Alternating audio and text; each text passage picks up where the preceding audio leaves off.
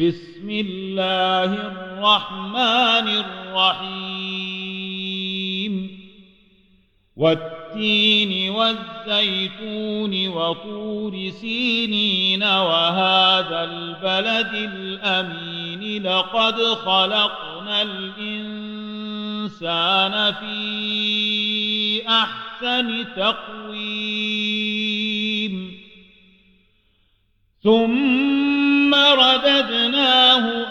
أسفل سافلين إلا الذين آمنوا وعملوا الصالحات فلهم أجر غير ممنون. فما يكذبك بعد بالدين؟ أليس الله بأحكم الحاكمين؟